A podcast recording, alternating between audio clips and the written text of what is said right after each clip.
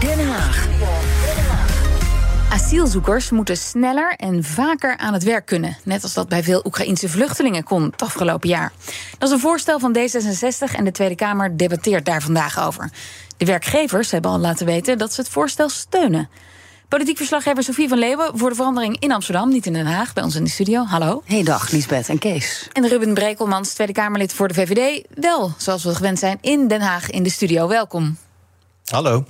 Sophie, ja, is dit, uh, dit voorstel van D66 de oplossing voor al die openstaande vacatures? Dat Asielzoekers eerder aan het werk? Wel volgens MKB en VNO, dus de werkgevers, die zeggen eigenlijk het is een gemiste kans dat die mensen uh, zo weinig mogen werken. Dus uh, 24 weken per jaar en niet het hele jaar door. En pas nou, na een half jaar wachten, ja. of veel langer in de praktijk, mag je meedoen aan de arbeidsmarkt. Ze zeggen met die Oekraïners hebben we gezien, die mensen integreren meteen leren de taal, zijn hartstikke nuttig. Uh, er zijn zoveel vacatures mm -hmm. dat ze niemand in de weg zitten.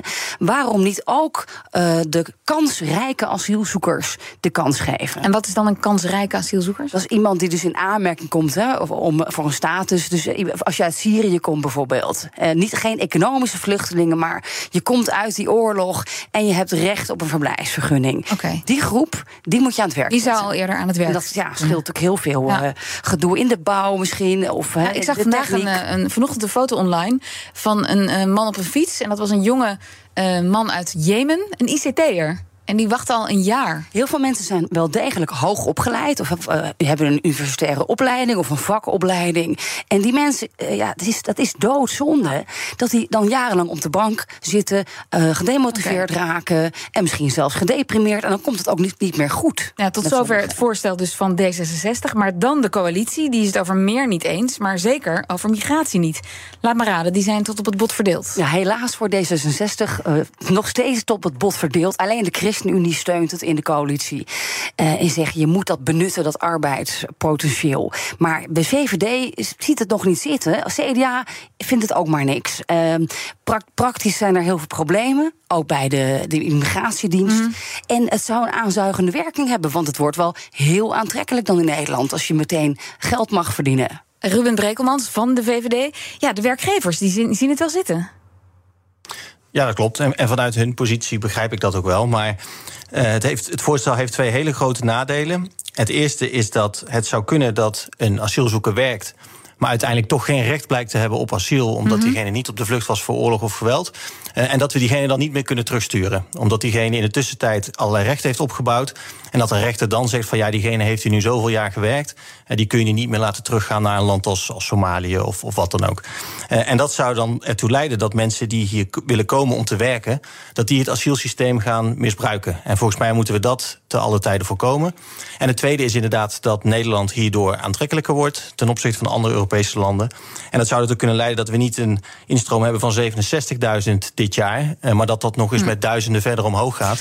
Ja, en dan worden de problemen alleen maar groter. Dan hebben we straks nog meer mensen die geen opvang hebben. En misschien zelfs nog meer mensen dan die uh, in de zomer weer geen dak boven hun hoofd hebben. Maar die, over die aanzuigende werking gesproken, dat is ook al heel vaak hier in de studio besproken. Dat is nog nooit echt wetenschappelijk aangetoond. De reden voor vertrek uit het land van herkomst wordt vaak gepusht door uh, ja, veel of weinig voorbereidingstijd. En vooral de mensensmokkelaar bepaalt dan waar je uiteindelijk terechtkomt.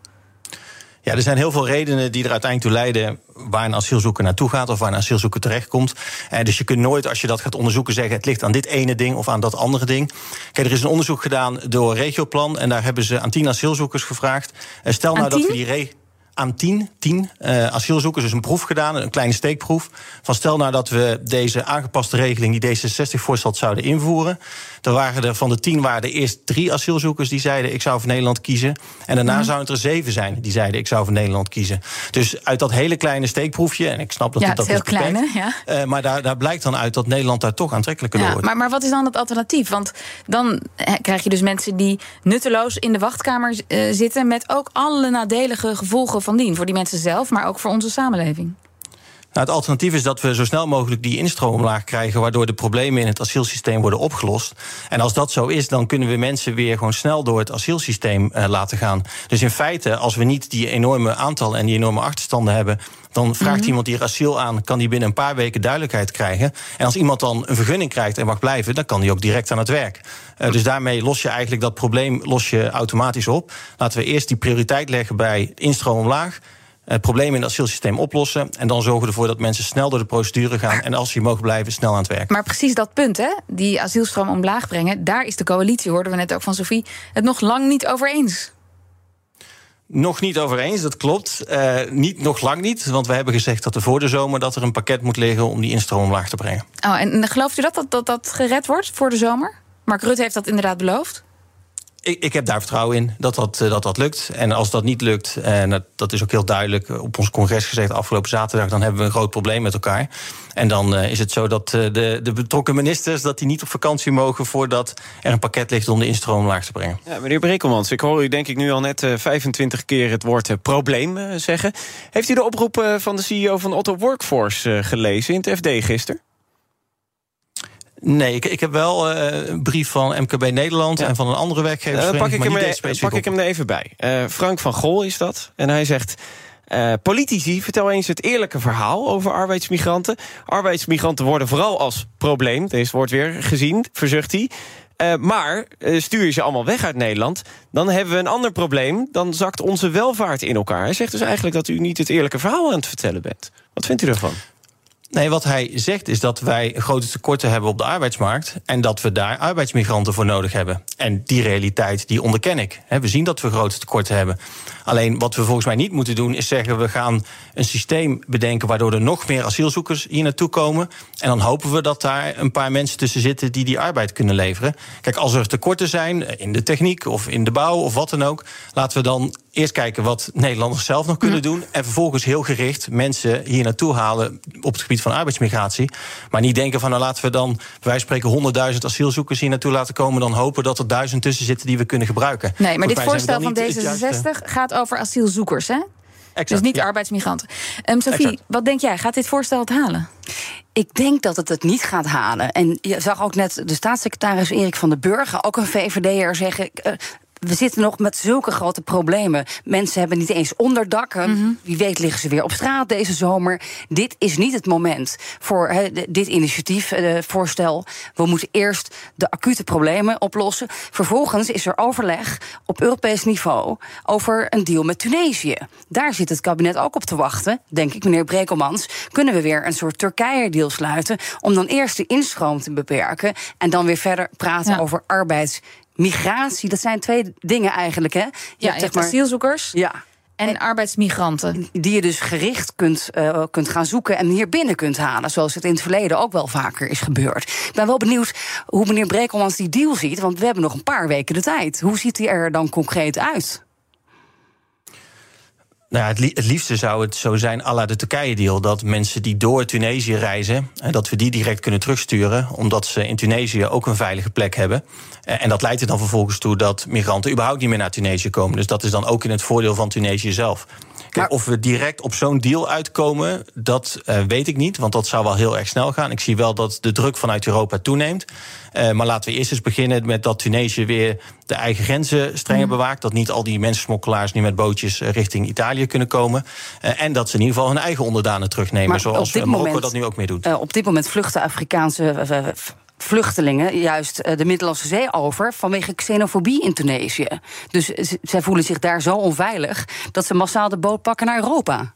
Ja, nee, dat zou ook onderdeel van zo'n afspraak moeten zijn. Dat natuurlijk niet uh, inderdaad van dat soort xenofobe uitspraken worden gedaan. En volgens ook het, uh, het xenofobe beleid wat daarbij hoort. Dus je zou eigenlijk liefst willen, je maakt een afspraak met Tunesië. Maar direct ook met de landen van herkomst. Vaak zijn dat landen bijvoorbeeld in West-Afrika. Dat je ervoor zorgt dat uh, mensen die niet in Tunesië mogen blijven, net zo goed daar geen recht hebben op asiel, dat die vervolgens ook weer kunnen teruggaan naar hun land van herkomst. En het is eerder ook gelukt bijvoorbeeld met, met, met landen als Niger en Tjaad, wat ook doorreislanden zijn, om ook dat soort afspraken te maken. Dus je moet daar inderdaad moet je proberen om zo'n breed mogelijk migratieakkoord te sluiten. Sophie, um, Mark Rutte beloofde dus die asieldeal voor de zomer rond te hebben. Ja, gaat dat lukken? Wat, wat is jouw inschatting? Nou, dat, dat ligt in, in Europa. Dus er is nog oneenigheid bij de lidstaten, denk ik, over de, de precieze voorwaarden. En je hebt natuurlijk ook altijd hè, de, de Italianen die met zoveel instroom zitten uh, aan de zee. Uh, en, en die willen natuurlijk ook weer dat wij daar mee ja. gaan helpen. Misschien dat we juist nog wel meer mensen opvangen. Nou ja, kan hij het waarmaken, Rutte? Ja, dat, ik vind dat nog een uh, grote vraag. Uh, maar er, er, is altijd een grote EU-top vlak voor de zomer. In juni, als ik het goed heb, eind deze maand. En, en dan moet er iets komen. En ik denk dat hij, kijk, niet alleen Rutte staat onder druk. Ook Italië, ook andere Europese landen willen graag met een deal naar huis. Maar gaat dat dan ook echt het probleem oplossen? Dat is de volgende vraag. Daar gaan we nog vast voor de zomer heel vaak over praten. Dank jullie wel voor nu. Ruben Brekelmans, Kamerlid voor de VVD... en onze politiek verslaggever Sophie van Leeuwen. Zometeen.